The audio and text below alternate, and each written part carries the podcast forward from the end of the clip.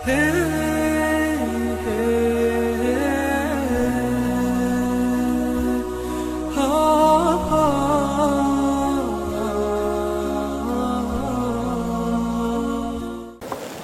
الطالبين لله تعالى.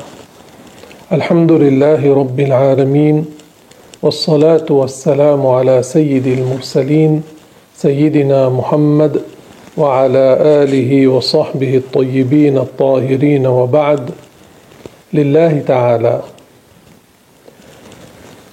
اذكر بعض معجزات سيدنا محمد صلى الله عليه وسلم. أما سيدنا محمد صلى الله عليه وسلم فمن معجزاته صلى الله عليه وعلى جميع إخوانه الأنبياء حنين الجذع وذلك أن النبي صلى الله عليه وسلم كان يستند حين يخطب إلى جذع نخل في مسجده قبل أن يعمل له المنبر. فلما عمل له المنبر صعد صلى الله عليه وسلم عليه فبدأ بالخطبة وهو قائم على المنبر فحن الجذع حتى سمع حنينه من في المسجد. فنزل رسول الله صلى الله عليه وسلم فالتزمه أي ضمه واعتنقه فسكت. هذا الجذع جذع يبيس كان وضع في المسجد يستند عليه الرسول صلى الله عليه وسلم حين يخطب. لما اقترح بعض الصحابة على الرسول صلى الله عليه وسلم أن يعمل له المنبر وعمل له وارتقاه الرسول وبدأ بالخطبة حن الجذع إلى رسول الله.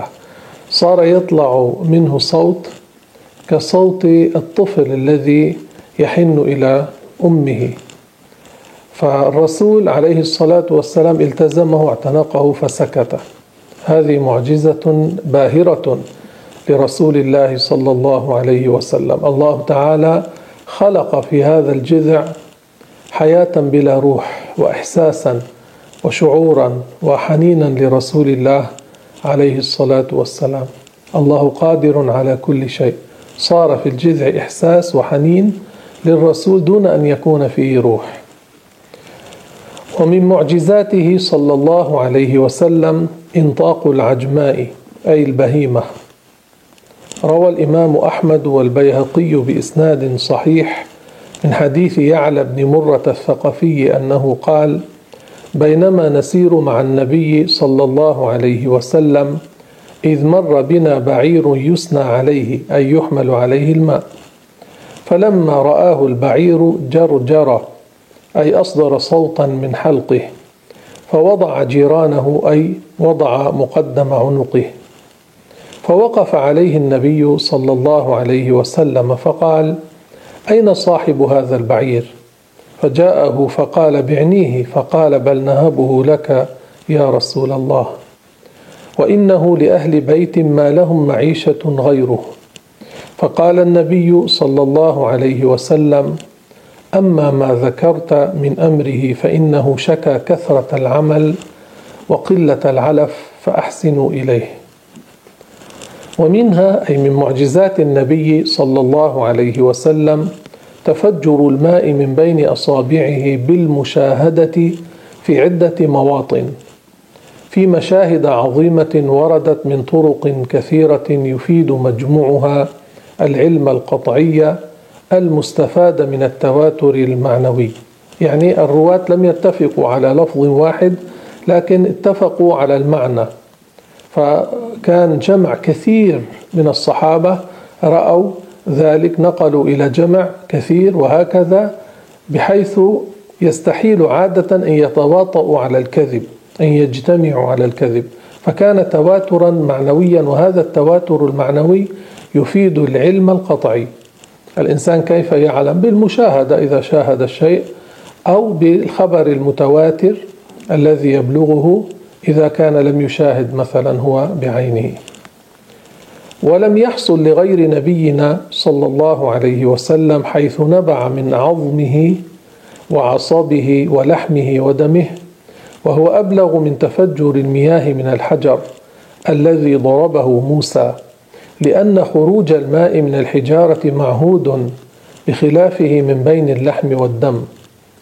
رواه جابر وأنس وابن مسعود وابن عباس وأبو ليلى الأنصاري وأبو رافع. وقد أخرج الشيخان من حديث أنس بلفظ رأيت رسول الله صلى الله عليه وسلم وقد حانت صلاة العصر والتمس الوضوء أي طلب ماء الوضوء فلم يجدوه فأتي رسول الله صلى الله عليه وسلم بوضوء فوضع يده في ذلك الإناء فأمر الناس أن يتوضاوا فرأيت الماء ينبوع من بين أصابعه فتوضأ الناس حتى توضاوا من عند آخرهم. وفي رواية للبخاري قال الراوي لأنس كم كنتم؟ قال ثلاثمائة. كلهم توضاوا من هذا الماء الذي خرج من بين أصابع النبي عليه الصلاة والسلام. ومن معجزاته رد عين قتادة بعد انقلاعها.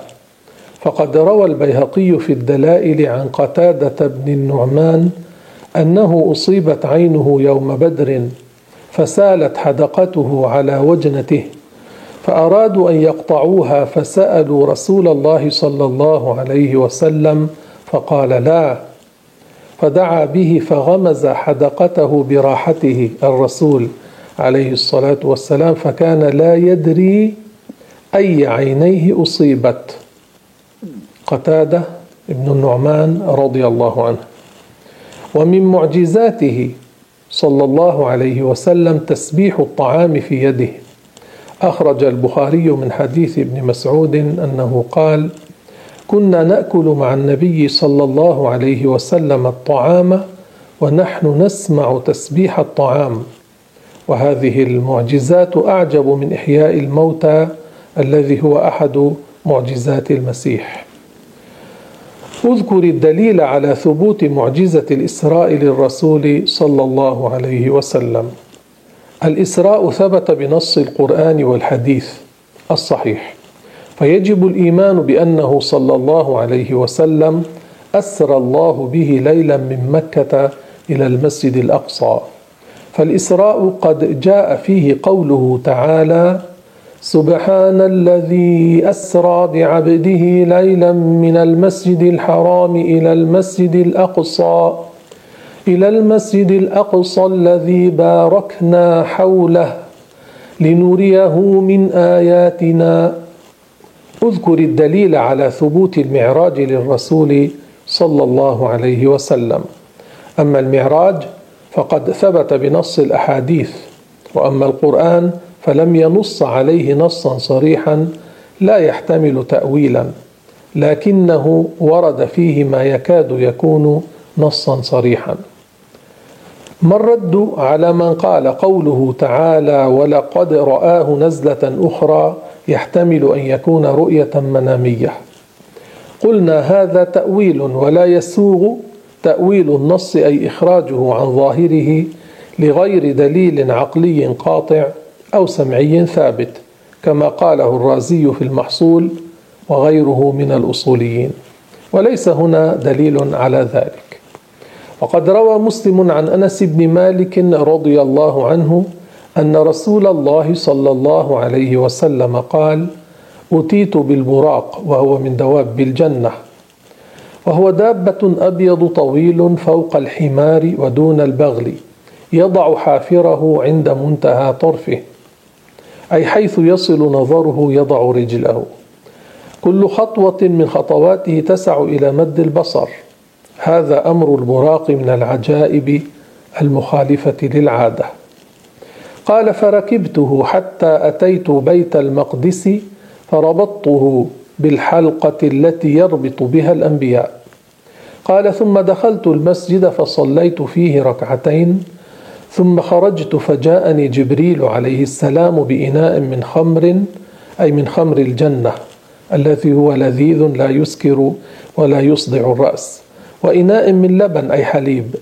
فاخترت اللبن فقال جبريل عليه السلام اخترت الفطرة أي اخترت ما هو خير لك اخترت الدين تمسكت بالدين. قال ثم عرج بنا إلى السماء إلى آخر الحديث. وفي الحديث دليل على أن الإسراء والمعراج كانا في ليلة واحدة بروحه وجسده يقظة إذ لم يقل أحد إنه وصل إلى بيت المقدس ثم نام. فالمقصود أيها الأحبة من الإسراء والمعراج تعظيم رسول الله صلى الله عليه وسلم. والمقصود أن الرسول عليه الصلاة والسلام له جاه عند رب العالمين لأنه أطلع على عجائب في العالم العلوي عليه الصلاة والسلام. وليس معناه أنه ذهب للقاء رب العالمين لمقابلة الله. الله سبحانه وتعالى ليس بينه وبين شيء من خلقه مقابلة أو مناسبة أو مماثلة. الرسول عرج به إلى السماوات السبع صلى إماما بالأنبياء في المسجد الأقصى واستقبله ثمانية من الأنبياء في السماوات كل يقول مرحبا بالنبي الصالح إلا آدم عليه السلام.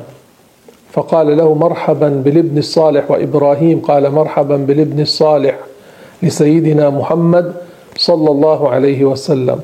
والسماوات مشحونة بالملائكة.